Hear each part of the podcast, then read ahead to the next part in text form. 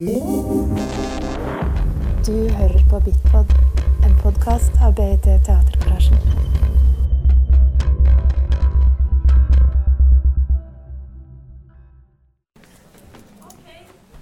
We are reconvened for the last part of the seminar. Um, I hope you all enjoyed lunch. So, uh, with us in spirit, although not in the flesh, is David Elliott, who is an internationally renowned curator with a broad experience as director and advisor for a number of different and prominent arts and cultural institutions in Great Britain, Stockholm, Hong Kong, Istanbul, Sydney, and New York. A man on the move, Elliott has sent us a presentation dealing with the concept of balagan and the Russian avant-garde. Yeah. So, uh, since uh, uh, David Elliott is not here, uh, we will uh, all be David Elliott today. Uh, he has given us a soundtrack, which is Arseny um, Avraamov's Symphony of Factory Sirens. It's a sound choreography, I guess we, we could call it that, for a city. Uh, it's played by factory sirens and horns, flutes, and uh, different machines. So this is going to be the sound backdrop. Uh, David has also sent us a slide presentation of 113 slides. Uh, so we're gonna try to keep keep the time. Uh, Ina is gonna help us with it. Um, but David has asked us to, when we come to a slide that has uh, text on it or uh, larger passages of text, that it should be read aloud. So not not every, everybody at the same time, but uh, we want uh, volunteers. Uh, and as inspiration, uh, we know that Walter Benjamin he really liked uh, transcribing or or writing down uh, other people people's books in his own writing, because then he would um, learn the material better. So maybe we can use this as inspiration uh, and motivation for reading David's slides. So uh, we start.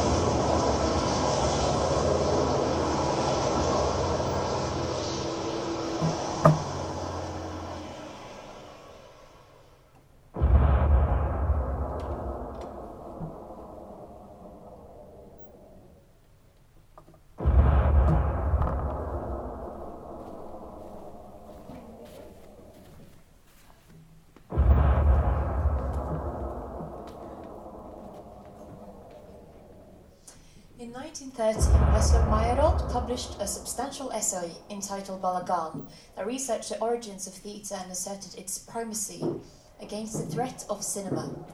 At the present time, when the cinematograph, cinematograph is in the ascendant, the absence of fairground booth is only apparent. The fairground booth is eternal. Its heroes do not die.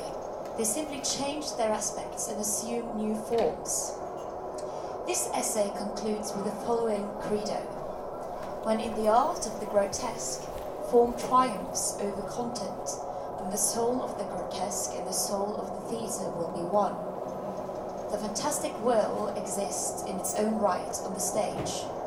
Joie de vivre will be discovered in the tragic as well as in the comic. The demonic will be manifested in deepest irony, and the tragicomic in the commonplace. We shall strive for stylized improbability, for mysterious illusions, deception and transformation. We shall eradicate the sweetly sentimental from the romantic. The dissonant will sound as perfect harmony, harmony and the commonplace of everyday life will be transcended.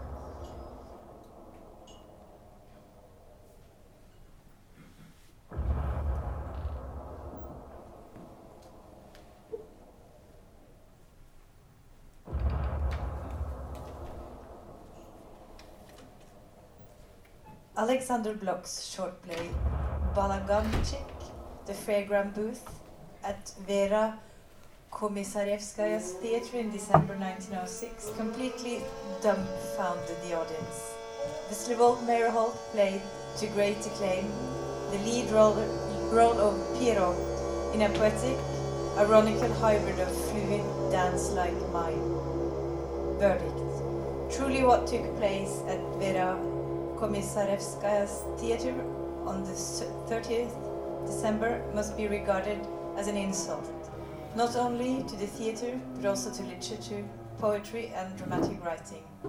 It lies beyond the pale no less of art than of common sense. The theatre review Obrozeni Teatro, St. Petersburg, 1907, number 39, page 6.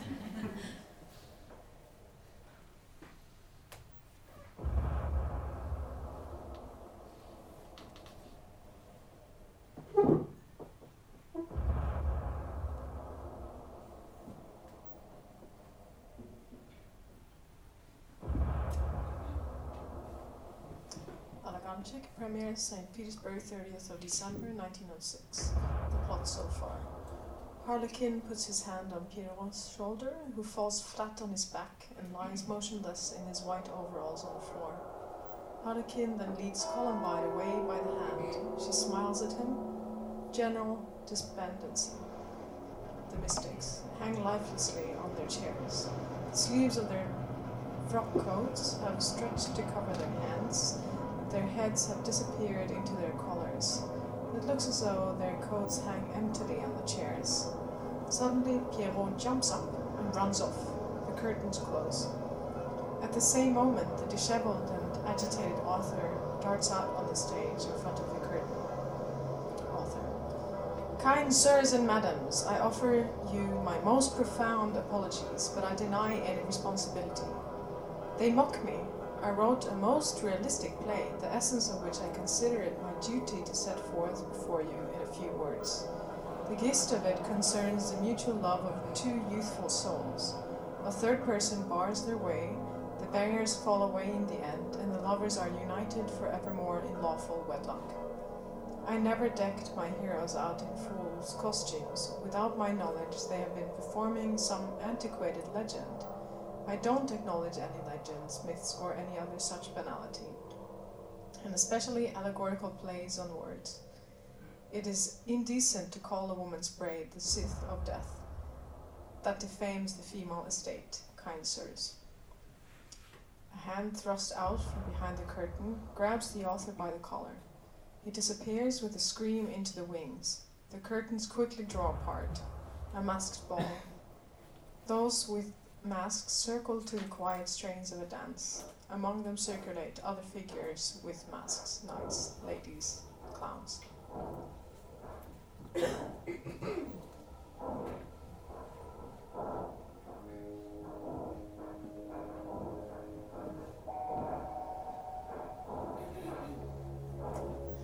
After some time, their dignity is rudely shattered by a clown who runs up and pokes out his tongue at the knights.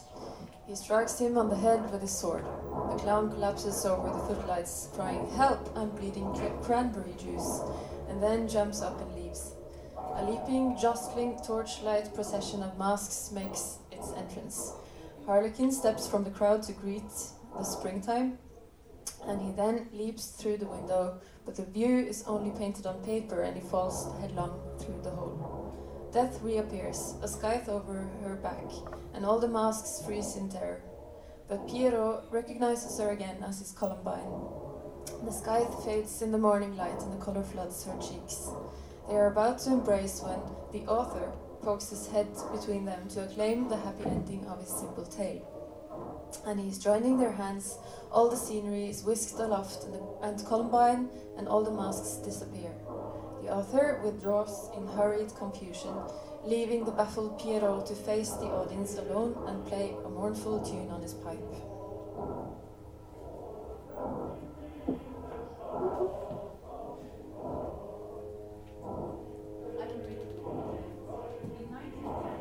Uh, in 1910, Meyerhold played the character of Pierrot for the last time in a different work, the studio ballet Carnival, his only non-speaking dancing role, choreographed by Michael Fokine, Michel Fokine, who was also working with Sergei Diaghilev's Ballet Russe.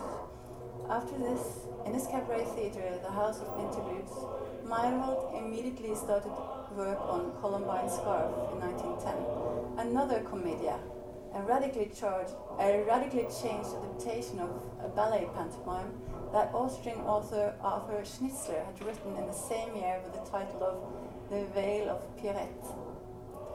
In Meyerhold's version of this work, this tale of fought love, jealousy, and infidelity was moved away from the cloying background of Biedermeier Vienna, in which Schnitzler had set it, to take the form of a fragmented Gothic grotesque, rather like a Hoffmann short story, unimpeded this time by a complaining author.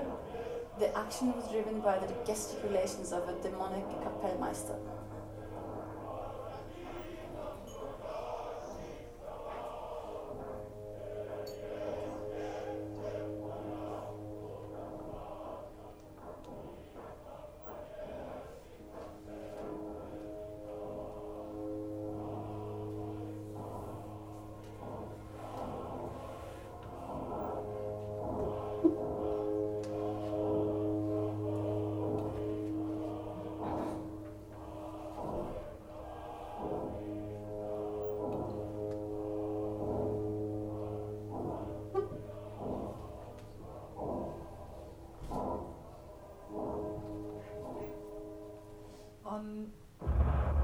13th of June 1911 at the Théâtre du Châtelet in Paris, Sergei Diaghilev's increasingly fashionable ballet russe premiered to considerable acclaim, Petrushka, a Russian ballet burlesque choreographed by Michel Fokine, who felt he had to struggle with Igor Stravinsky's difficult score.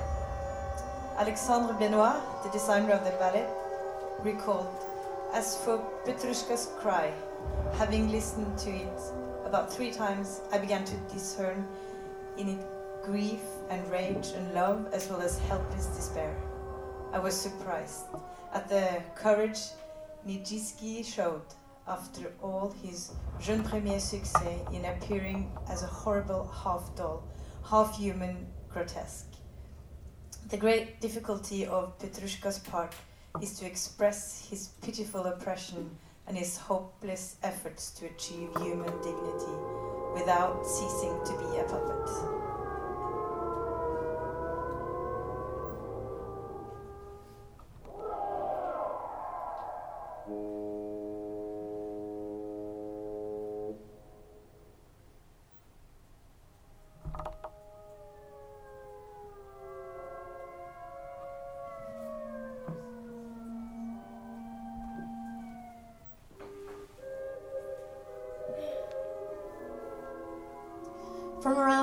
10, the ancient culture of the Scythians, Scythians, thank you, uh, 600 BCE to 300 CE, fascinated Russian futurist artists and writers because of its energy. These warlike nomads had, like many others, originated from the steppes of Eastern Asia and ended up in parts of southern Russia. Their art and gold jewelry, however, were distinguished by a robustness heavily influenced by classical Greek art. This combination of barbarity with refinement undoubtedly persuaded David Burliuk, 1882 to 1967, with his brothers Vladimir from lived 1886 to 1917, and Nikolai, 1890 to 1920, to call the group of avant-garde writers and artists they formed in Moscow in 1910 Hylaea, in honor of the former uh, Scythian settlement of their family estate in southern Ukraine. This form of referential primitivism, however, quickly coalesced, coalesced into anti-establishment épatage as evinced in their collaborative book A Slap in the Face of Public Taste in Defense of Free Arts from 1912 that boldly, boldly declared, We alone are the face of our time. Through us the horn of time blows in the art of the world thrown Pushkin, Dostoevsky, Tolstoy, etc., etc., overboard from the ship of modern, uh, modernity. Many other artists followed them.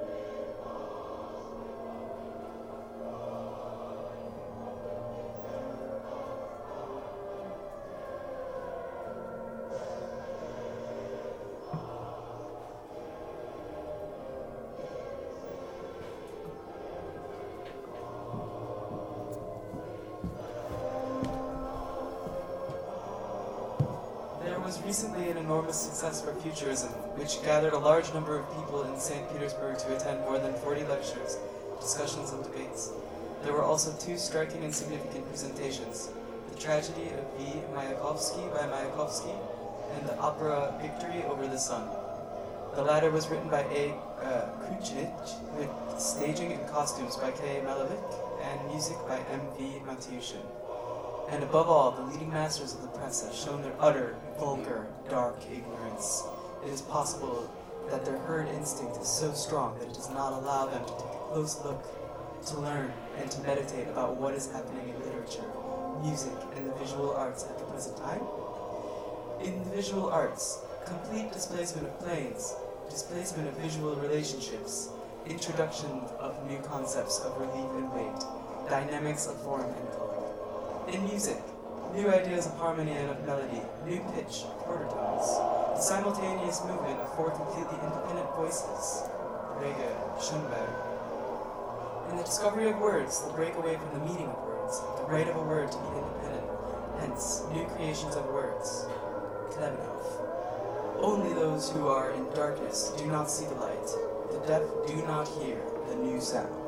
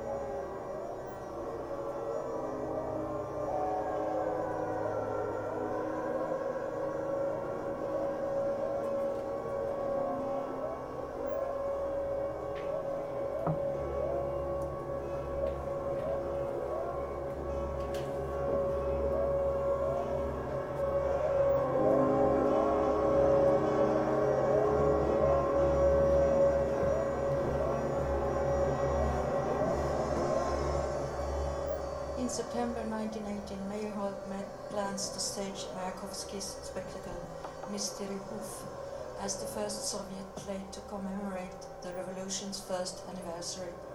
The play parodies the biblical story of the Ark. The flood represents world revolution from which two distinct groups survive. Seven clean couples, the exploiters, played as a music hall turn, and seven unclean couples, earnest international proletarians, prone to lengthy proclamations. On a set given the impression of a vast globe of the world, the inevitable took place. The clean were overthrown by the unclean, led by Mayakovsky's playing the lead role of the simple man who guided his charge, charges through an anodyne hell of naus- nauseatingly colored paradise to the city of the future, the utopian mechanized states of socialism where there were no servants, only machines.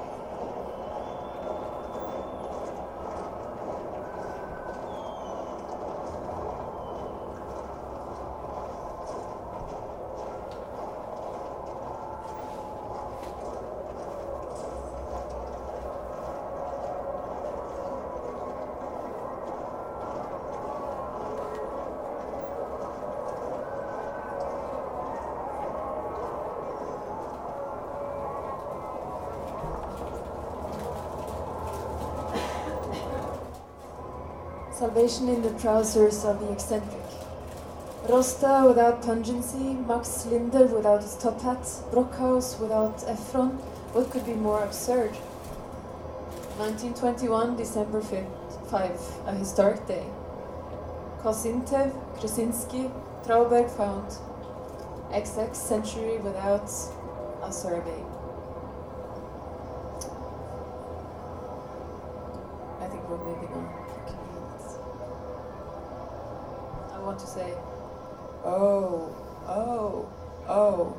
Search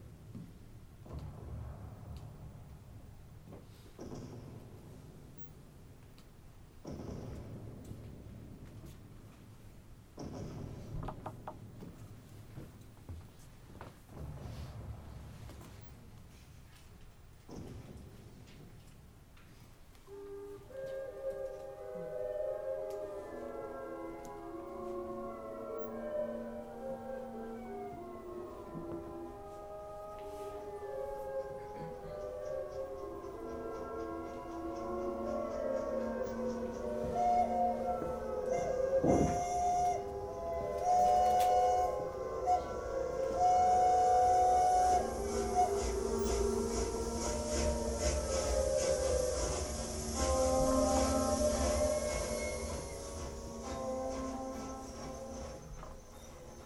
the beginning of the 1930s, Stalin and his supporters decided that Balagan was dangerous.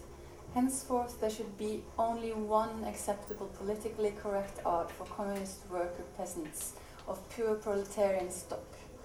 All others were automatically enemies. But no one knew what this new art should look like. Mayakovsky committed suicide in 1930. Subversive humor was forced underground but refused to leave the stage. When it reappeared, it was quickly forgotten, as in the films of Alexander Medvedkin.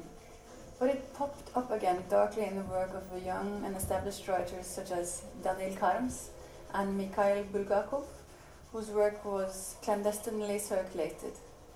It refused to die. When it became obvious that his writing would never again be published, Isaac Babel proclaimed that henceforth he would work in a wholly acceptable new style, the genre of silence. It was not long before he was arrested and murdered.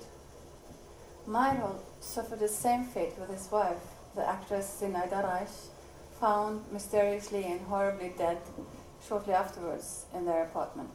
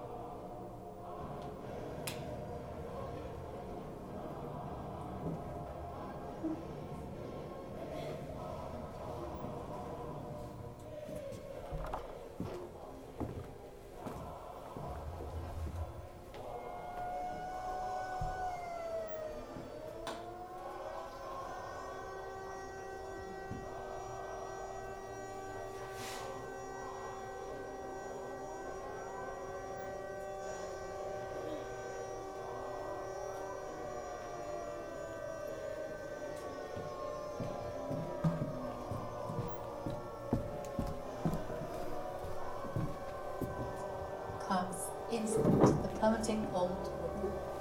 A certain old woman, out of excessive curiosity, fell out of a window, plummeted to the ground, and was smashed to pieces.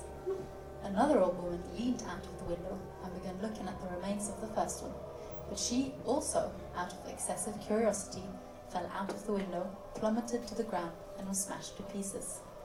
Then a third old woman plummeted from the window, then a fourth, then a fifth, by the time a sixth old woman had plummeted down, I was fed up watching them and went off to Maltsevsky market, where it was said a knitted shawl had been given to a certain blind man.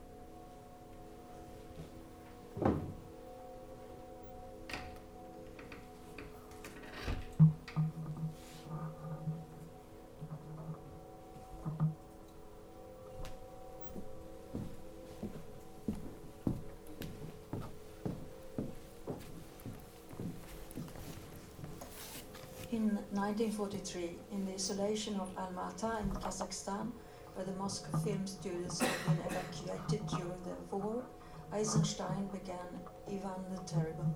His last film, haunted by a seductive image of a tyranny since childhood, for uh, for Eisenstein's its depiction had, had become compulsive, the better, perhaps, to understand his own tyrannical tendencies. The first part of this film, dealing with Ivan's early life and ending with his conquest of the Kazan Khanate, met with official acclaim. The second part had a less fortunate fate an exercise in stylized expressionism that owed much to Eisenstein's interest in Chinese and Japanese theater and art, as well as to his admiration for the atten attenuated figures in El Greco's uh, and Alessandro uh, Magnasco's painting. It also contained an untimely admixture of Balagan, heightened by Prokofiev's score and the capture of one reel of Agfacolor film from German army that was used to shot the primeval masked dance of Ivan's bodyguard in the scene where the oprichniki gather around him. Ivan was revealed unequivocally, unequivocally as a vindictive and paranoid sadist ruling through mass murder and terror to an intelligentsia decimated by purges and conditioned by, to reading between the lines. The parallel with Stalin could not be missed. This film was strongly criticized and held back from release.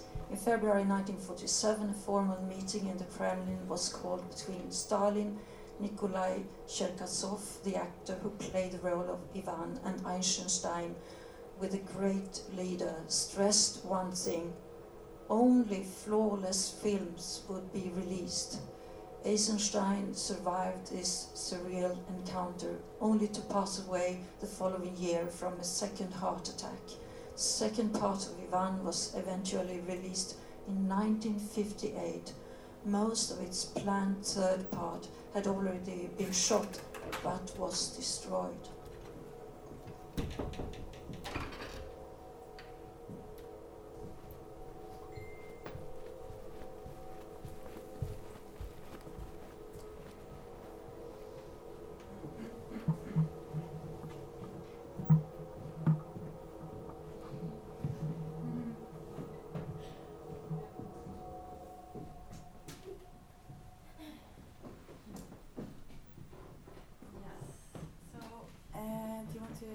Yeah, I just want to say that uh, we, we will publish uh, uh, David's uh, YouTube link uh, on the event, so you can check it out later.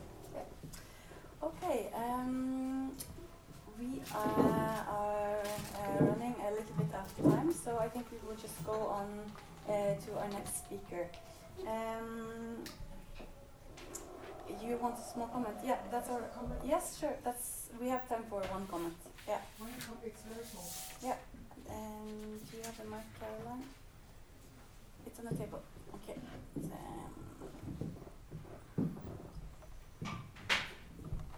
It's just a short comment about the Eisenstein Ivan Le Terrible. The second part of the film was not a colored film, it was hand colored. It was painted by hand. It's quite extraordinary. It was not a Kodak color film. Mm. Hand colored second part, and it's very beautiful. Thank you. Uh, and those of you who were here yesterday could uh, also uh, hear some links to Knut Ove's talk, and I'm sure you can pull that back in the discussion at the end of the day. Yeah. So, um, it seems like uh, an early influence from situationism is a recurring theme uh, among uh, several of our speakers today.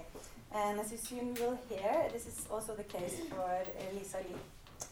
I sometimes wonder if uh, Lisa is a Renaissance woman uh, of sorts. Uh, she's not only a theater director, but also a performance artist, actress, playwright, and author, and is currently doing a PhD at Oslo National Academy of the Arts. But perhaps she can be called a person, a modern personification of the situationist spirit, crossing boundaries, combining high, high and lowbrow references in a good mixture of pop culture, trash, trash, trash, trash, and misanthropic honesty. So, Yeah, uh, can you hear me? No, you can hear me. Okay, so I'll just start with how I, um, when I got asked to do this, I was like, okay, but what does this have to do with me? And then I started thinking about it and realized it has a lot to do with me and my history and my family history because um, uh, I kind of got it in through my father's milk. That sounds horrible, but you know, mother's milk, father's milk. Um, and I, I've been thinking a lot about this uh, this relation that happens in families, but also in art traditions. That it's not necessarily the, um, the very concrete um, transfer of knowledge, but also like the embodiment uh, of knowledge, and also the choices people make and the situations they create that uh, transfers these ideas. And my father, he was. Uh, in yeah he was a 68 kind of person he's french he was in paris and avignon in 68 and since then he has been following the situationists and he has been trying for many years to make me read all of it uh, because he has like everything they ever published and this is great and i will read it but uh, for now uh, i have been like oh, i've been exposed to all these uh, situationist concepts like psychogeography dérive um, situationist pranks all of this from an early age, really, without thinking of it. And um, also, uh, I kind of grew up in the carnival because of this. Uh, my father had a club, which I have a picture of. Is it this one? Sorry. I've never worked with uh, this off Microsoft Office. No, this is this one. Yeah, he had a club in the basement every Friday for nine years, from uh, 82 when I was like two years old till 91. And for many years it has seemed like a dream almost. It was a very influential dream for me, but uh, there was almost no other kids there except me and my sister, maybe five others that came and went. And um, it was, uh, of course, sprang out of my father's political uh, and social activism or ideas about this, that he is also influenced by the situation, he's trying to create something in real life and not just, you know, uh, talking about it. And uh, for me, I ha uh, have this memory of waking up and to uh, like go look for my mother. and then I went down the stairs to the basement and I opened the door and this club was for foreigners, so there was like 40 different uh, nationalities uh, at any given time, I guess. And uh, it was like opening the, the door to another world. And it's like, for me, that was like a carnival dimension. And uh, also, they um, in in Trondheim in the 80s there was a city carnival, and the club participated, and we made like masks and all kinds of things. And of course, for a child, this was very immersive. I don't know how the grown-ups felt, but for me that was like the high point of the year. And for many years, um, because I was small, so I didn't understand what was going on, I waited for the carnival. I remember very clearly sitting in a chair by the window around Mayish, because I knew it was going to be around then, and it just never came back. and it was such like such a blow. And I think I've been trying to recreate that feeling of uh, communitas like ever since because like I, I miss it. Uh, yeah. Doing meaningful things with other people, and uh, especially doing irrational, meaningful things with other people, is like the core of my practice. I think. Uh, yeah, and also, see, and you could argue that uh, this search for these kinds of spaces is quite hard in the Protestant North, since uh, the Reformation and then the Counter Reformation kind of took away most of the meaningful collective practices, and the lack of these are connected to the effervescent apathy, also sprudlende apathy, uh, that I feel that, and the lonely rage that I feel that I explore in my work. Uh, so what do I do? I make work in the intersection between performance art and text-based theater. like so many others. Um, my style is close to choreography and musical composition. It is dramaturgically multi-layered with different na narrative threads working simultaneously. And I see my work as temporary sculptures or bodies that, um, or I call it organisms in a way that uh, through a hypnotic composition of fragments, um, where actions and characters, fictional contracts, and all of these things are constantly changing. So it becomes a journey through a landscape with a strong inner poetic logic, which is unique to each piece. Uh, and this inner logic needs to be internalized in the actors to create a sensitivity towards the structure as a whole. For it to live, for it to actually become an organism, they need to know not only what they're doing, but why they're doing it. And again, not in a rational way. It needs to mean something to them. Uh, so I build the pieces through and around the performers and their needs and um, inclinations, their timing, their humor, their um, their dreams, like what we're lacking. So in a way, I can't do this kind of work with just anybody. You need to have a need for these spaces to arise to be able to participate in creating them. Um, so, of course, this for me is um, I call it uh, the other life of the people because I'm inspired by Bakhtin's um, theories about uh, maybe the romanticized theories about the missing carnival tradition, which is not only the carnival but all kinds of festivities and uh, traditions connected to it, uh, because they were at a certain point in history, I think it was in the latest ages, can't remember exactly when, uh, they were so much immersed in these other kinds of activities that it became like a counterweight to this reality. And this is a very subversive thing to suddenly see that another reality is possible. And it is also like a forslag, a presupposition. Like you, you, you use uh, escape not just as a way of destroying yourself or removing yourself from a situation that you can't live in, but you remove yourself or you escape as a positive strategy to find something or to create something or manifest something in reality that you present as an option. So you come back with a come back with an option, right? To try to widen how we can be in reality. And then, uh, of course, I'm also very interested in or being influenced by Hakim Bey. Do you know him? The anarchist uh, poet. He wrote about TAZ, temporary autonomous zones, uh, and um, it I it's not only that, but for me, it's um, this feeling. It can be. It's like a collective space.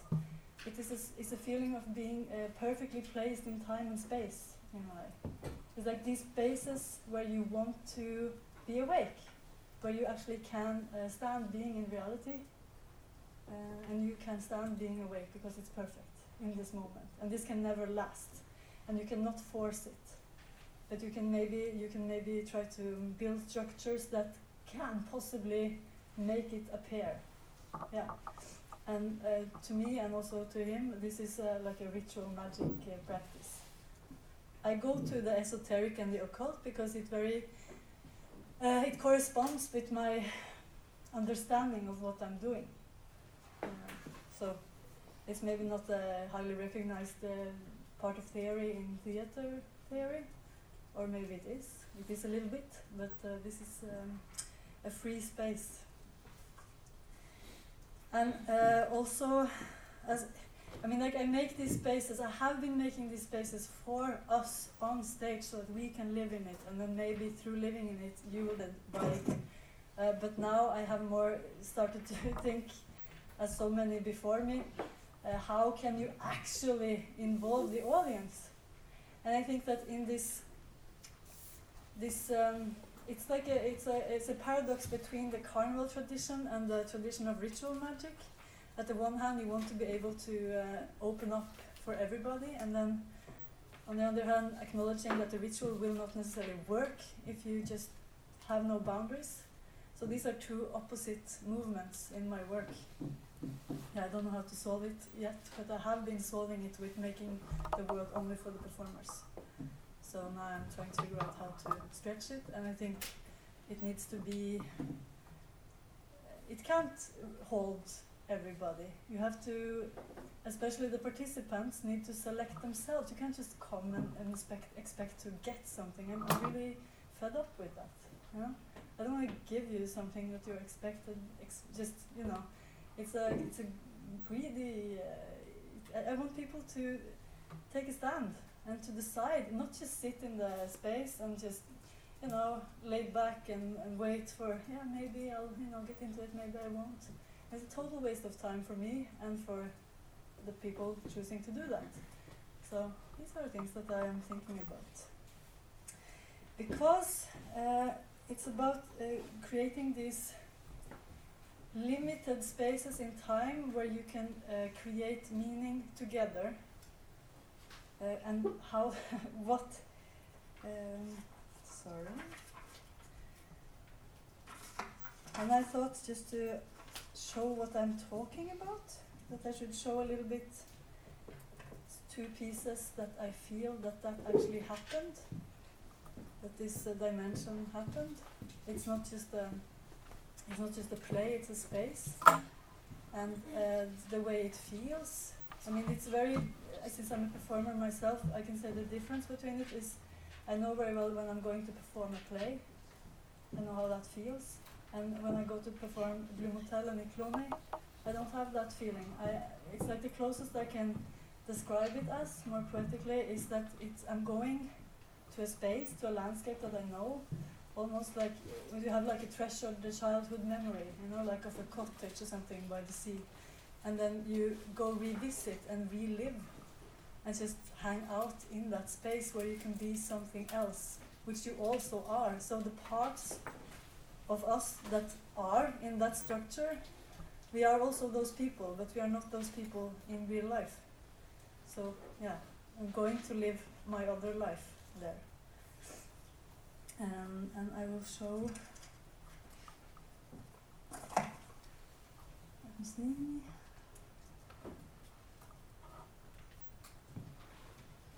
There sound? It's a Ja, oh yeah, sorry. han skal over til dødsriket her nå.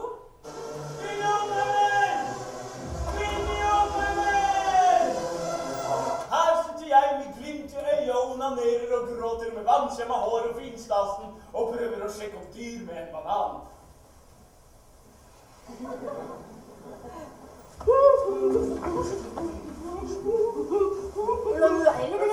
Har du penger å låne du? Har penger, ja? Vi vil ha penger. Har du penger Vi vil ha penger, vi. Ja, Grete har en kylling i ovnen, sjø. Ja, jeg skal ta her, så.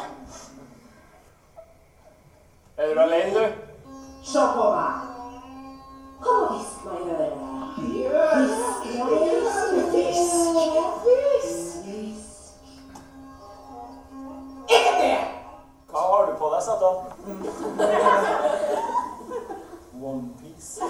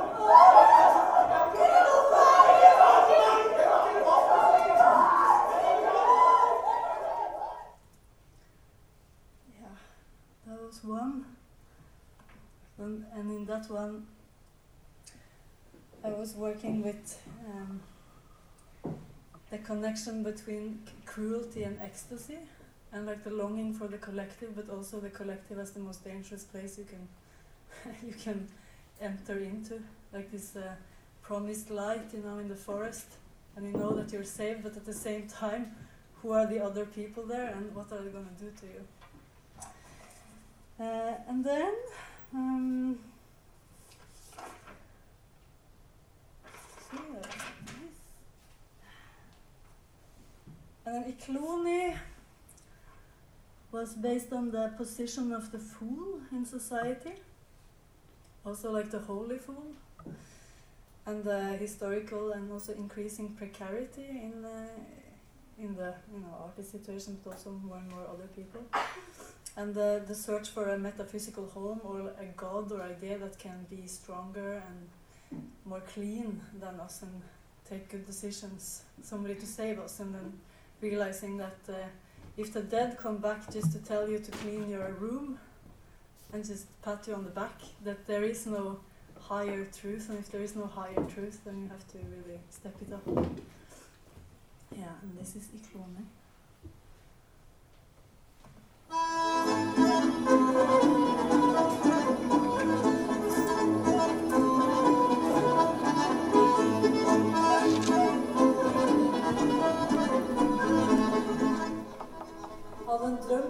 Siden.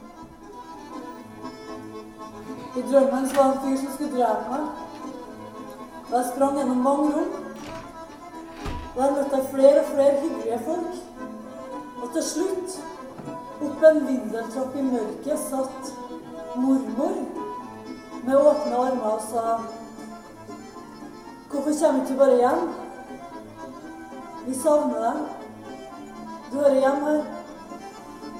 Her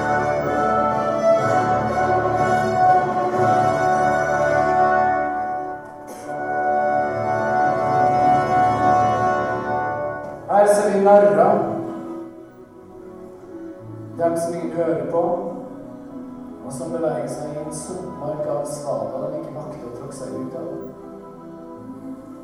Ikke ta oss seriøst, bare noen ganger i speil.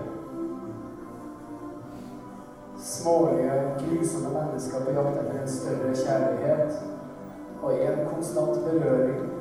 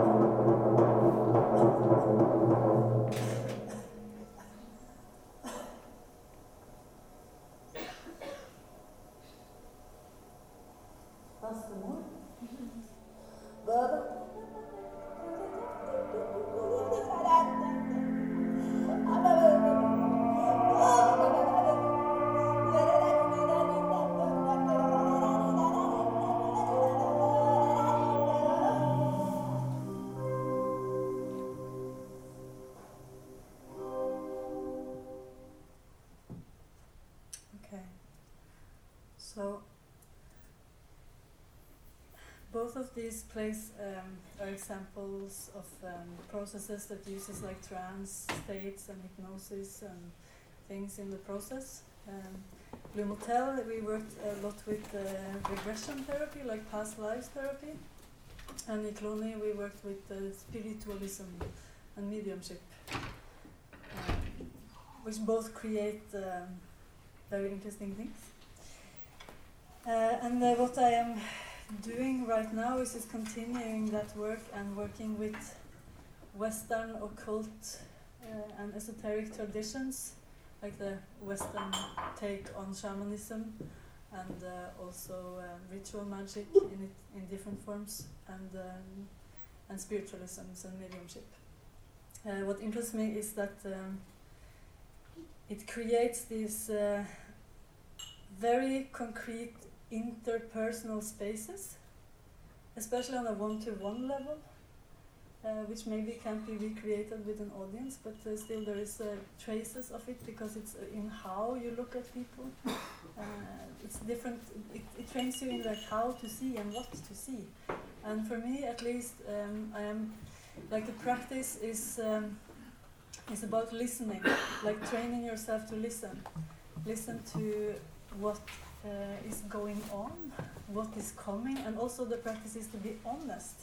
And if you're honest, then there is a lot more going on than what uh, is where, that where uh, than is room for in um, consensus reality. And that's maybe like the folk aspect of it, is working with all this, um, you know, magical thinking. Uh, knock on wood, for example, we rarely think of it, but it's one of the most powerful uh, rituals that we have for a, a banishing anxiety. And it works. And it's really old, which is great. Uh, things like this, and we don't think about it. I think like uh, the first time I started thinking about it consciously was overhearing it, um, two people speaking, and they spoke about their ancestor spirits, and one said that, uh, uh, well, mine they left me when I crossed the border, and the other one said, oh, mine came with me, and I was like, oh, but we don't have that, and I was like, the next second I was thinking, wait, yes we do, we have like tons of them, and then starting to map out. Uh, honestly, what are you communicating with? Who is looking over your shoulder when you're writing something you think is a bit cocky? Um, who do you uh, communicate with in a crisis? Uh, I bet there, it's not only your concrete friends, it's probably some dead person or a god or an idea or a bear you had as a child. Well, I think this is uh, interesting. Uh, so you don't have to go very far to to start encountering the fantastical in everyday life. It's just that we don't have that much room to talk about it. Yeah. Especially not in like a public context. Yeah, and this is also related to the practice of finding and not just inventing.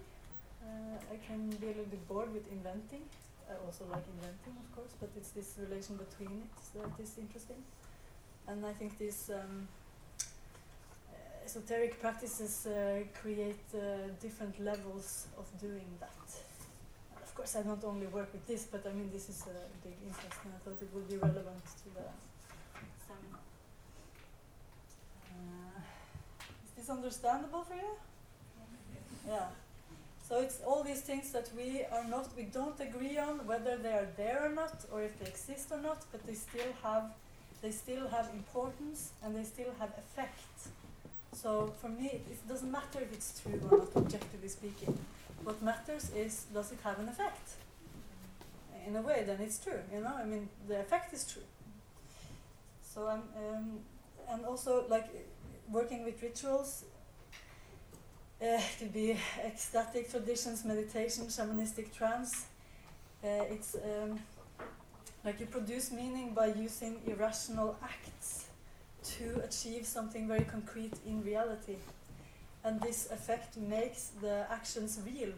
The ritual aims to create reality. It doesn't aim to just make a påstand. Help me? What is the good word for påstand? Contention? What? Claim or statement, yeah, it's not just a statement. And theater in itself is often just a statement, also. And for me, what I find most interesting in theater is that you can work with the real dynamic in the group, or the people on stage, or in the room, even, or with the audience. I mean, we do this. But I, I find that there is a. Uh, there is a kind of a rule that says that as long as it looks like theater, and the people are good on stage, like they're doing, doing a good job. Obviously, they're doing a really good job. They are uh, talented and they are doing theater, and it's understandable. Then it must be good.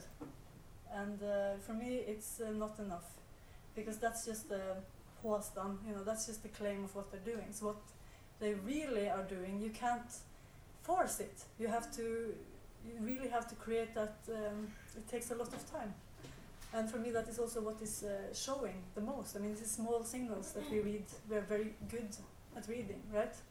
So I like to work in this also the relation between the fiction and the very real things happening on stage. Uh, you need time to do that. Yeah, and uh, as a you know prolonged investigation of this, I am interested in real meetings.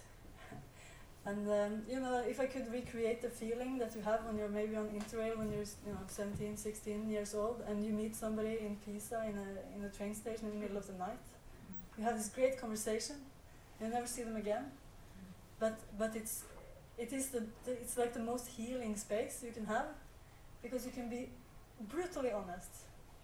You don't have to be anybody else. You can, of course, but you can be like a brutally honest version of yourself because it will not come back and haunt you in life. And this is also the space that happens in uh, healing practices. All of these esoteric practices are um, healing places. So I think uh, this is interesting, and that's what I'm working on now. Trying to figure out how to do that one on one or maybe in a larger group. And I know a lot of people have been working on it, but you know, why not? I think it's an important thing that art can do. And uh, I call it caring for the soul. Uh, because I was once in an airplane with a woman who works in the Norwegian church, and she was uh, a psychologist. And her task was to train the priests in caring for the soul, sjelesørging. And she said it's really hard because nobody knows what it is these days.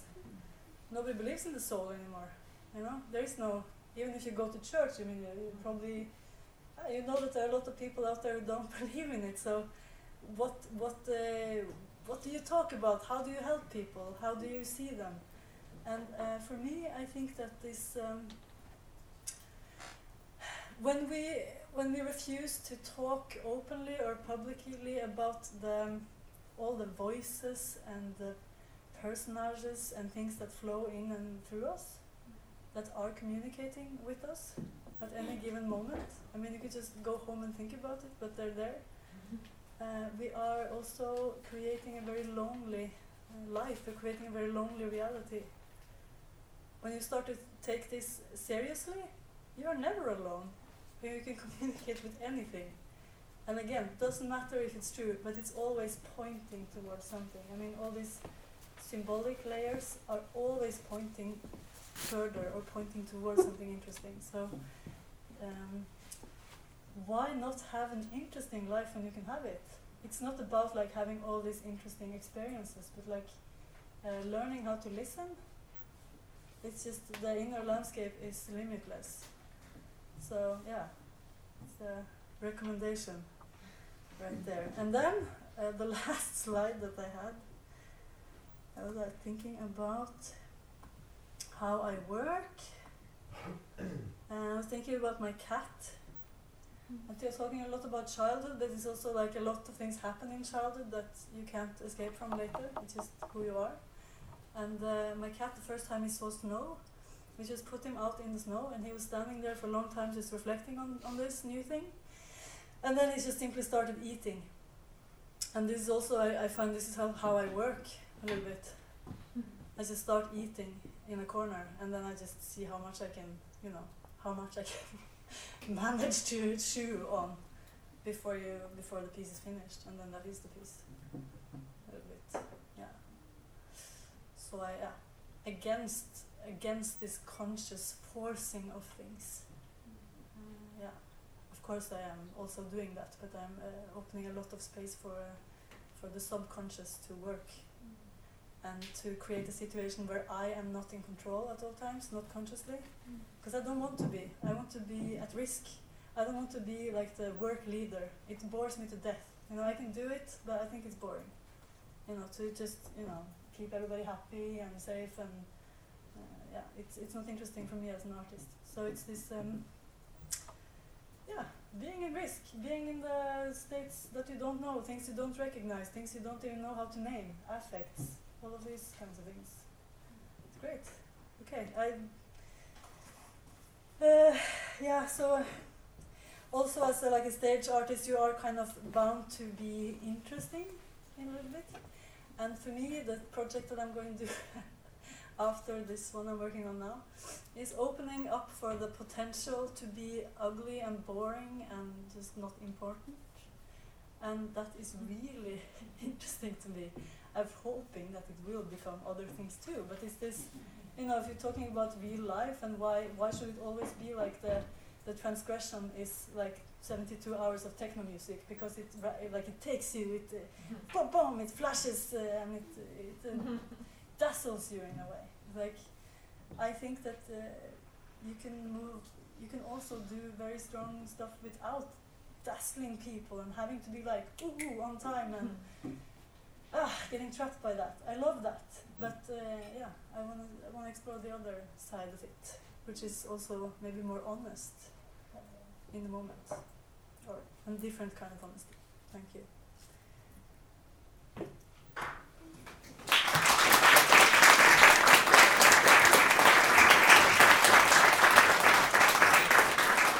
Alright, uh, uh, Lisa is also going to be in the panel later, so uh, please write down your comments and questions and uh, we can hopefully get back to it uh, because we are also again running out of time a little bit. Uh, so uh, today's special surprise is a bonus speaker. Uh, Worm, Worm Winther has been uh, an important force behind the development uh, of the cutting edge performing arts scene here in Bergen in the late 70s and 80s. Um, an artist and a scenographer, Worm is also well known as a member of Baktruppen. Welcome. I will uh, give some uh, lines from uh, uh, groups, Group 66, uh, what uh, uh, Elisabeth Ralph uh, explained and showed the film yesterday. From that uh, time uh, and from that group to um, uh. I was a member of Baktruppen for 25 years from the start to the end.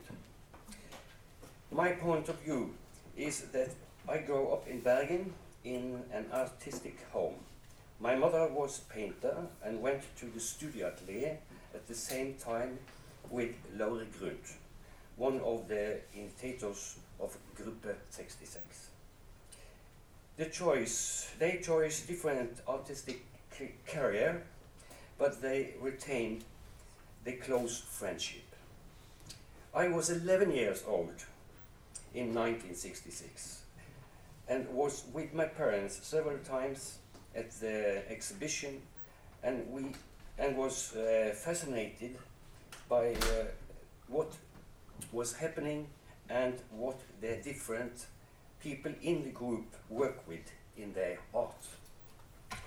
In 1969, parts of the group formed Finnegårdskretsen, where my mother also became one of the initiators when they started up their artist-directed gallery, Gallery 1 intended as a gallery for the expression of different artifacts and genres. I went with uh, the posters in those days and those years and got uh, affected by the environment. In the 1970, a part of the group from 1966 became, came up with the exhibition Konkret Analyse in Bergen Kunstforening which I will uh, also come back to. I educated myself as a scenograph in Göteborg, which had an established environment in the genre avant-garde and col- collective, collectively uh, thought, and academic uh, environment that overlapped each other and still exciting art projects emerged. emerged. I kept in touch all the way to the environment in Bergen and was attached uh, to projects since 1978. When we come to 1986, we started Baktruppen, a group that in many ways was colorfully composed as Gruppe 66. We come from many different art genres and expressed in our way, which was a new structure. One of the reasons that Baktruppen did not shocked as much as Gruppe 66 and Konkret Analyse was that it was 15 to 25 years later and we performed internationally. The first project we did was in Berlin. Group 66, Gruppe 66, among the other things, had a vision of doing something and unpredictable as a group, compound of artists from several, several different art forms arise. Visual, music, movements, and writers should express something in common. They describe themselves as rabelists, and uh, Laurie Grundt's word, vrøvlebøtter. Quote, their substance is di diverse in academic forms and they integrate integration uh, of different art forms, a freer form of art. The group had no vision of continuing as a group, but to form a pillar to show that a diverse art environment together could give a new expo expression experience. Gruppe 66 also started the idea of an experimental scene. Activi uh, uh, studi studios and artist driving gallery. They had contact with DNS and saw the sea to an experimental stage there, though it did not become so experimental in DNS management. Otherwise, 1 arrived at Bryggen in 1969 and was artistically driven by some of the original members, plus new who had been on the sidelines from the start. In the early 1980s, a multicultural house began to establish itself, the USF Culture House. While it still was a southern factory, we did projects and performances there, and I ran the Kjølelager studio. In the early start of USF, uh, projects that put established theater and art environment into rage and were also shown. Astonishment and rage was left in Bergen, like Gruppe 66 projects in Bergen Kunstforening in the years before. Konkret Analyse was an exhibition in Bergen Kunstforening in 1970 as part of group Gruppe 66 members were the uh, initiators. Uh, yeah, they were the initiators. Konkret Analyse was an exhibition intended to wake up uh, curiosity hence to the approach, appropriate, unclear name. There would be an exhibition that uh, would never be finished because it was about our own unfinished time. Quote Laurie Grundt, the rooms were named Motorway, Technical and uh, psych Psychological Communication, and Circus, Politics, and Authority.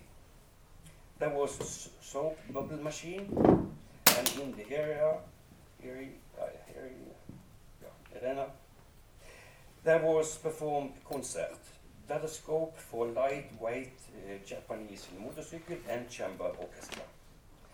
Art should not be perceived uh, conventionally. It would uh, uh, address current problems through cross-artist activities. 25 artists were involved in the project. Much was done in joy and humor. The audience was also invited to participate. The exhibition would actualize the concept of art as part of the daily life. The exhibition uh, caused low discussions in the established artist environment and it was required that the board of the artist association had to go.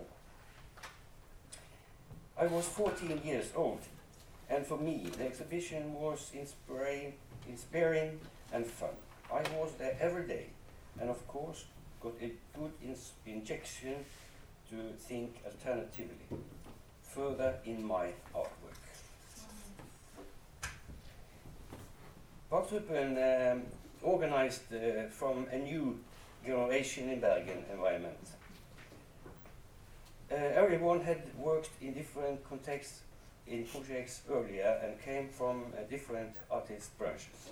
The idea was uh, no, equality on the stage and involved each other in their uh, respective artistic uh, position besides themselves performing their own artistic expression in a common view.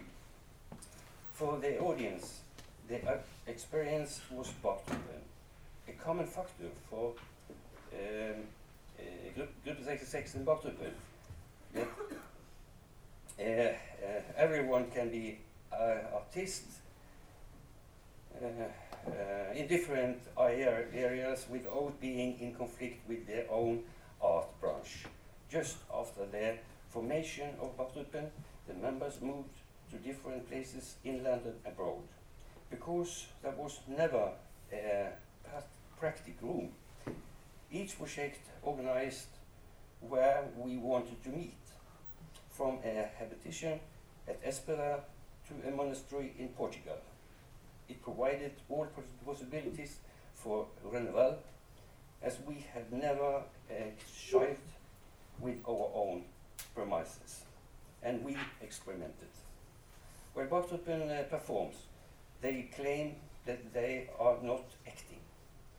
They do deal with a number of experience as to who they are and how they are to behave in public sphere in as individuals, artists and members of Baktruppen. They problemize these diverse identities by challenging themselves in and their uh, attempt to uh, and uh, customary rules, and by acting out uncontrolled, uh, un- uncontrolled and surprise space. They attempt to expand the possibilities for what an artist can be and do in the public sphere. On many ways, uh, uh, one may say that the members of Baktruppen have created Baktruppen's identity. As we can uh, say at in the organization, nobody plays Baktruppen better than we.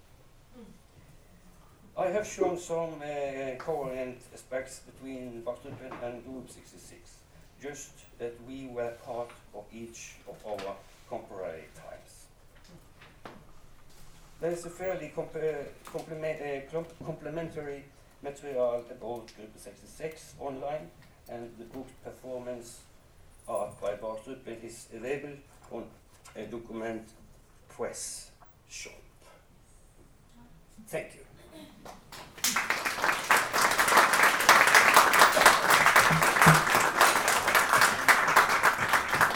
Alright, then we have a um, panel debate, and that will be moderated by Knut Ove. And so you will just step up and.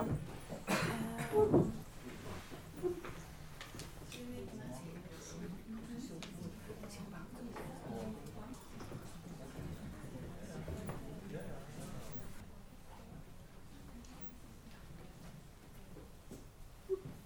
Yes, hello everybody. Now we are come to the final uh, session of the conference where we are gathered. Uh, one, two, three, four, five people. Mikkel Bolt Worm Winther, uh, and, uh, and uh, Andres Mann, Elisa Lie. Uh, and uh, myself, Knut Ove Arntzen. Uh, I gave, as you remember, uh, my lecture yesterday taking this outspring in the where did it disappear now, uh, Carolina? you are behind me. She's the puppeteer. You are, you are the machine master. And the machine master of, of the pantomime. So you can look upon this as, a, as, a, as not as a performance lecture, but as a pantomime lecture, where we will soon, transfer ourselves into grotesque caricatures. and then, then you are free to act according to that, uh, to relate to the tradition uh, that Oskar Schlemmer drew up in that scheme, our machine master probably will get up again. Uh, where you saw the, the, the ritual and the, the popular as two dimensions. There we are. A, yes, yes. The re religious cult activity and the folk entertainment, and uh, theater and dance, stage art, uh, and the the uh, the circus, uh, cabaret variety, and circus as example of folk entertainment, and then the religious cult activity. And, and uh, during this festival, also we have been attending the festival, I've been seeing most of it, not everything, but most of it.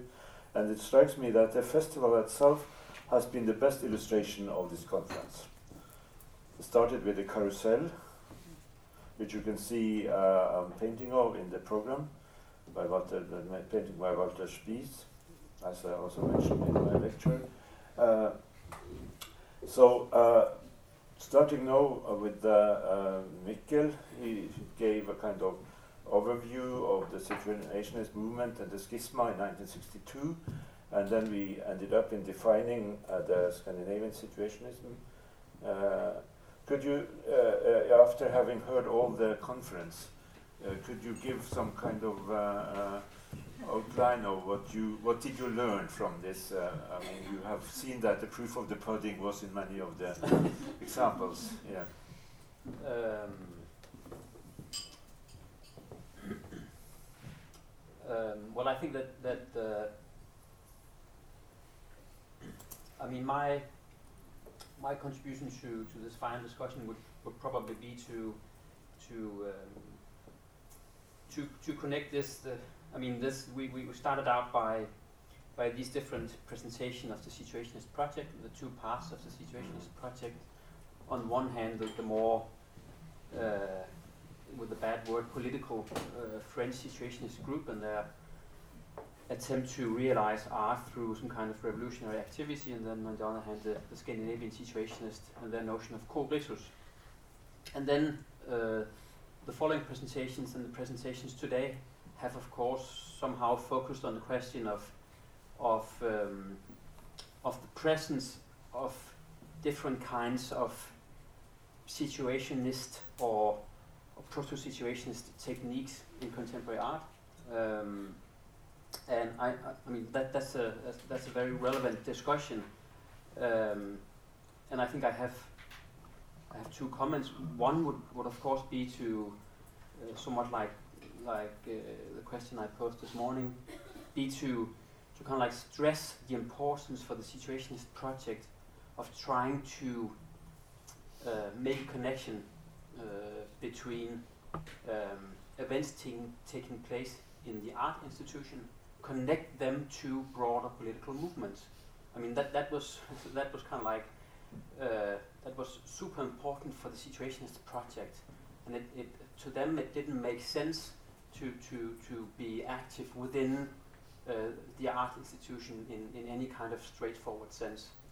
Uh, and that's of course the problem then being today that that uh, that uh, that we of course don't have the same kind of probably political movements um, that um, that the situationist did in the early 60s or I mean that's a question of interpretation because they would themselves, of course, argue that, that the revolutionary tradition had, had dissolved, had disappeared, and that they was, they were striving to re-establish a new foundation for a revolutionary movement.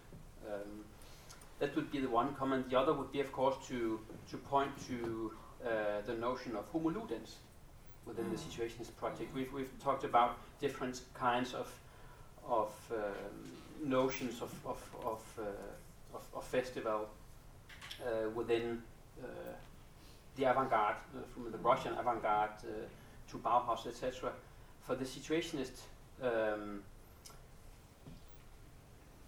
their their notion of, of popular art or folk art was very dependent upon Johan Huizinga's notion of homo ludens, the playful individual, the playful human being. Uh, and of course, that was one of the, the, the, the, the, the part of the background for, for Thorsen's notion of, of co-ritus. And uh, within the first Situationist International, um, Huizinga somehow became um, connected to um, the notion of revolution.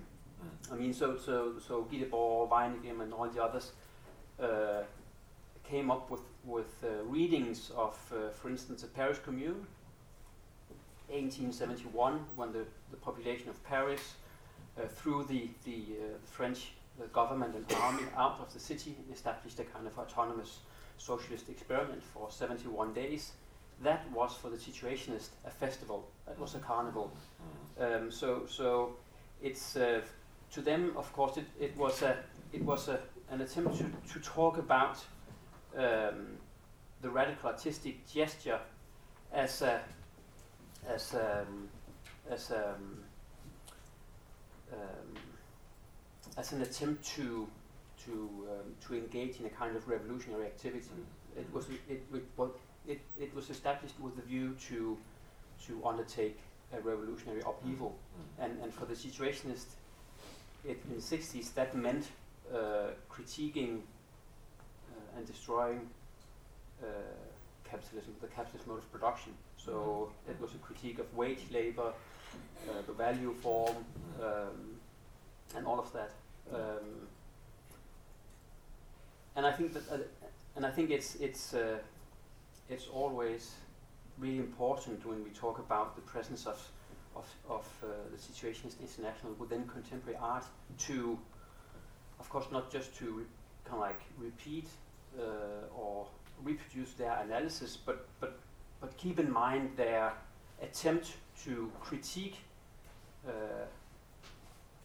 the artist as a separate uh, activity, as well as uh, critique the notion of militancy as a separate activity, uh, trying somehow to point towards a, a, a more um, a more radical critique, and that's of course also why the, the notion of situationism was actually an, an invective.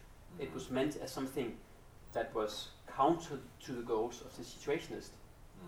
Uh, that, and this, of course, all, all, all had to do with this the split that took place within the, the, the group in 1961-62. That that there was that, that there was actually not a situationist.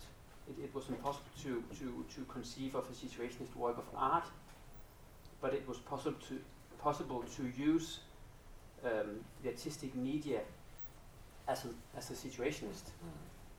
Yeah. Uh, so art was considered to be a dominated form. A dominated form it was impossible to use um, without being aware of the complicity of the art institution.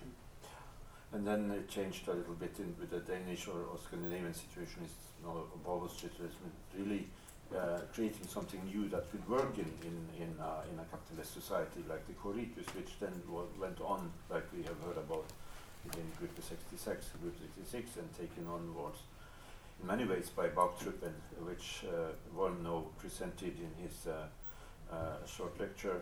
Um, so we'll come back to that one. Uh, but dealing with the, the history of the, the, the, the carnival and the, and the feast, as uh, Arndt spoke about in his lecture, uh, that October fest, October uh, dance is, is a is a is a festival, or uh, and uh, and in the October uh, uh, fest in München, Munich is a more It's carnivalistic. Uh, uh, so uh, you were not here uh, yesterday, but still, you I think you can see that by, by by the scheme of Schlemmer, you know the connections also to the historical carnival, uh, uh, which also Lisa uh, has spoken about. Um, this contradiction between the, the, the, the carnival, the, the, or the, let's put it differently, the, the, the, differentiation between the, the, the disciplining the audience and the, the, the festivity as such, the immersive versus the, the uh, so-called elitistic or, or well-behaved. Uh, uh, am I right in th- thinking that you can uh, you imagine these two points to be something that can meet and merge in the ambient situation or in the immersive theater? Uh, I don't, I don't, I'm not an utopist. Uh, so, so, utopist. um, no, but can I shortly get back to your point because that's really connected. So Yeah. we, we may not think of in, in this kind of white Western terms in this case, but really when you when you get into it and says this was always a political influence movement, also in the, the 68, what, what you said. Well, so where are the conflicts then today? In Norway, in Germany, I don't see it. But you know, cannot can't you imagine that in India, in Russia, especially now today, because everybody's talking about in Brazil, exactly those movements are at least emerging at the moment and have the best chances to maybe appear or even to be disappeared like uh, during the Arab Spring, where you had a, a, a lot of artists suddenly popping up, uh, a little bit like you could imagine, with that so-called, uh, or let's say post-situationist uh, situationist, uh, um, possibilities.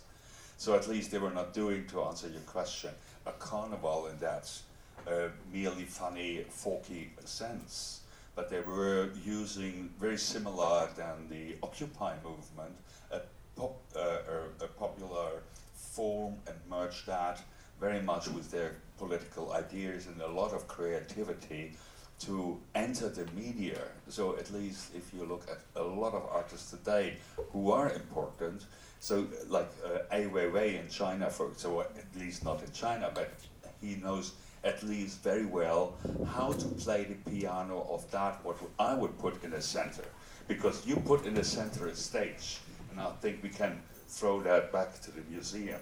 Today in the center is of course the media, and the media are at least the, the players and the artists who are not themselves play with media are at least uh, unknown or maybe known to very, very minor groups in, in Bergen or in, in Berlin. But you know, if you want to do something politically active, and here I go very much with you, then of course it, it, it should be an Occupy movement, which of course is occupying media and, and uh, meaning and so on. So I think that's a little bit the conclusion I got today. Yes, yes. So uh, I see your point, and, and we have to see if these kind of artistic strategies can be repoliticized uh, today in the. Mostly they are, but you know, Yeah, uh, yeah, but yeah. empowered. They're getting empowered through the Mhm. media and not Mhm. through uh, uh, dance critics, Mhm. critics anymore. Yeah. Yeah, thank you. Uh, not through dance critics. No, well, maybe also through dance critics like you. Well, uh, Lisa Lie uh, uh, gave a very interesting and personal introduction to uh, to her background and uh, an artistic way of thinking. Uh, you said in your lecture that now you could understand a little bit about what we did yesterday.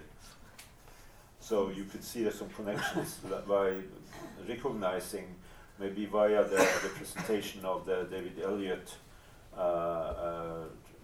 survey of the Russian avant-garde, how it was based in this Balagan tradition of from Commedia dell'arte and the traveling pantomimes. And, and uh, what I have seen from your work is, is always very fascinating and is there. I mean, it's like an, an ongoing thing. Uh, uh, in Trondheim, by the way, in the 1920s, there were at least two scenographers from the Soviet Russia who were refugees. There, uh, who Zaitsov was one of them. Yeah, they had this, So, this so famous place with the dragon with the dragon heads too. yeah, yeah, Yeah. yeah. So, uh, so this connection between the ritual and uh, the folk art, which you in a way stated now in lecture, that is what you want to research on. But you know, you went also to the to the more uh, uh, ritualistic in the sense of uh, of uh, dealing with sorrow or dealing with the personal. Uh, could, could you uh, does this fit in in your uh, perspective with what we've been speaking about? Do you feel that you can use some of this seminar as a point of departure for some of your um, theoretical reflections. Yeah, absolutely. But um, it very, I think it very quickly um, goes on to discuss in a very like covered sense a little bit how to save the world or what would be better. And uh, it, we always try to save the, or we, we, we try to tend to try to save the world by uh, instruction, so like creating uh, new systems that would probably save the world. But we we we uh, have maybe a like, like a bleak faith in the future, because I think we need to in the like the practice of honesty, uh, we need to look at what human beings are capable of and not capable of, and. Uh, what I find very interesting is um, that we do it, do it a lot with like in, in relation to monsters, for example, how we create monsters in society. Uh, that we refuse to see like the seeds of this monstrosity in ourselves and say that uh, no, but I'm a good human being. I would never do that. Uh, but you would, you know, in the right uh, circumstances, you would probably do that. Very few people are able to resist, and we very rarely look at that, and we we tend to build utopias based on not what human being is, but what it should be. And we, we kind of continue in this tradition, that's why it's hard to figure out what would be important, because we are not listening and we are not honest. So, and I think these practices that I'm looking into is very much about that, you know, going into the, like as uh, above, so below, like going into the darkness to uh, yeah, do those two things, listening and honesty. It's very hard to do. It sounds simple, but it's not. And Yeah. you can use your whole life doing that. And, Yes, you yes, know, yes. trying Yeah. to find forms. Mm, mm. Very good. Uh, uh, the, the question of utopia, of course, was also a question in the in the Russian Revolution and the Marxist uh, and communist movement, which in a way, by as we have seen by the Stalinism, is, it failed and would never really recover unless, except for the small new uh, impetus in the 1968.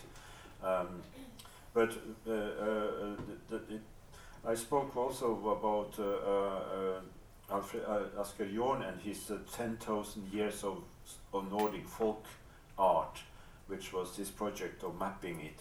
And now, when you saw the David Elliott uh, uh, uh, presentation PowerPoint, you, you saw he mentioned the Scythians. So there was a, you see kind of similarity. This is also a theoretical and historical interesting point that that that Asger was not the only one. It had been already done. So so in the Russian uh, avant-garde, before and after the, the revolution. Um, uh, the time is passing, uh, so not so much time left. Uh, uh, only that I hoped you could recognize some of these connections historically about from the circus, the vaudeville, and the, the rituals. It's, it's a very, I think the, this Oskar Schlemmer scheme uh, is very, very, uh, uh, uh, yeah, it's very uh, com- mm. There, I also have to mention that in two years ago, or was it three years ago, Christina, you remember that, the Nordwind Festival in three, two, three. Yeah, Christina and me, we went to Berlin to see the Nordwind Festival, and they're thematizing the Balagan. Uh, and, and I mean, much of the inspiration from these seminars comes from that, maybe from that trip, uh, uh, uh, and the fact that the Nordwind Festival uh, thematized the Balagan, uh, and, and also focused on Russian art, contemporary art, which also is focused on in the Barents Spektakel in Kirkenes, which you really have to should know about. So this there, there is a, a Russian connection uh, to Norway in this artistic sense, but as Lisa said uh, in the beginning of her speech, that we had the Reformation, the Counter-Reformation, and then we stopped thinking uh, physically. We had to regain uh, the notion of folk art, of, of the corporal figurativity uh, in the 20th century. So when Bogtrup and then, uh, as Worm has uh, stated, uh, connected to the Group 66 and the Coritus, uh, uh, at least you, you made an, a very good attempt of connecting it. So I'm, I'm really satisfied by that. I, I, I think we've made a very good scientific point which we have to use. So there is. Uh, I always thought there must be a connection, and you were 11 years, and you were 14 years, and and then you, yeah, you you know are sitting here, uh, and uh, and uh, also the history of Baktruppen is a, is a gone history, but you show the book, uh, performance art by Baktruppen. Uh, uh, of course, Baktruppen also had this idea of the circus and the balagans, balagan, but not consciously. Maybe you were the secret uh, in, in inspirator of of the co-founders Tune and Eivind explaining them that something had happened in Bergen which they didn't so much know about. Oh, of course, uh, we talk about it in the uh, in the Times. So they they got uh, the story. The story when- and uh, Yeah. background things uh, who can be uh, connected to each other. Maybe we have a lot of discussion Yeah, yeah. of all the time. So um, under it Mm. all, it it was Yeah, of course, yeah. and we were. Uh, the Larte, of course, we were into it, but uh, we Mm. wanted, of course, Mhm. to go go on Mm. uh, Mm. farther away, but uh, it was Mm. fun, Mm. of course, Mm. Yeah, to uh, yeah. to uh, touch it. Yeah. Mm. Yes. Very good. So uh, yeah, just two one minute more. Uh, during the very first Bergen International Theatre Festival in 1984, Bildstoff Theater, the tissue the- theater, came from Copenhagen, and uh, and also uh, made a huge impression on the audience here of showing Trans-Siberian. Uh, the topic of trans of traveling through Siberia and uh, uh, and then Kirsten Dehlholm and Per Basse came. And they were, the, in a way, the, the second wave of Danish invaders here in the in the 60s, uh, 70s to 80s, uh, uh, and they, uh, uh, in a way, contributed a lot, as also Hotel Pro Forma has been done later. Um, maybe we should expand this kind of, of discussion to the Danish situation today. So, uh, uh, since, uh, and also to the German, of course, but now you are sitting here as a representative for the, the Denmark, and and maybe you could, as a kind of philosopher of the situation at movement, one of the, those who have been writing the most of about them, together with Jakob Jakobsen, as I as I know. Uh, so you can have a very, if you could say two words of of the Danish situationist situation today, uh, then we, uh, as a conclusion. Um, but uh, no, I, don't know. I, I don't want to be some kind of representative from, from Denmark. No. Uh, and but I mean the the, the harsh uh, evaluation would of course be that that that there's no. I mean, the, the, the, there's some kind of of uh, the Situationist project haunts part of contemporary art. yeah. In the Danish context, in, in Norwegian contemporary art as an international phenomenon, but but uh, but the any kind of direct direct connection or linkage has been has been broken Yeah, for, yeah, for, yeah. for good and worse. Uh, so in a certain sense, the situationist projects are like scattered ruins, and of course we, we can then revisit these ruins and, and try to pick among the, the, the scattered fragments. Uh, yeah. And I think I think that's that's that's the historical situation, Yeah. and it's a it's a problem because the situationist tactics tends then to become uh, become transformed into isolated artistic gestures without the connection to any kind of, of broader political struggle. That's a problem, but but but that's uh, that's probably that would be my Yeah, well, it's a very good way of telling it. It's there are ruins, and as Joseph Beuys and Andy Warhol said, we have to recycle the the the, the la poubelle, uh, the the the the, the, the, the, the trash. So that's what is happening in many ways. But Mm. trash, in that sense, is beautiful trash. It's golden, uh, like we have seen in the circus and the trash of the lightning and the tap, tap dancing and everything is beautiful. So let me finish with this word. Thank you very much.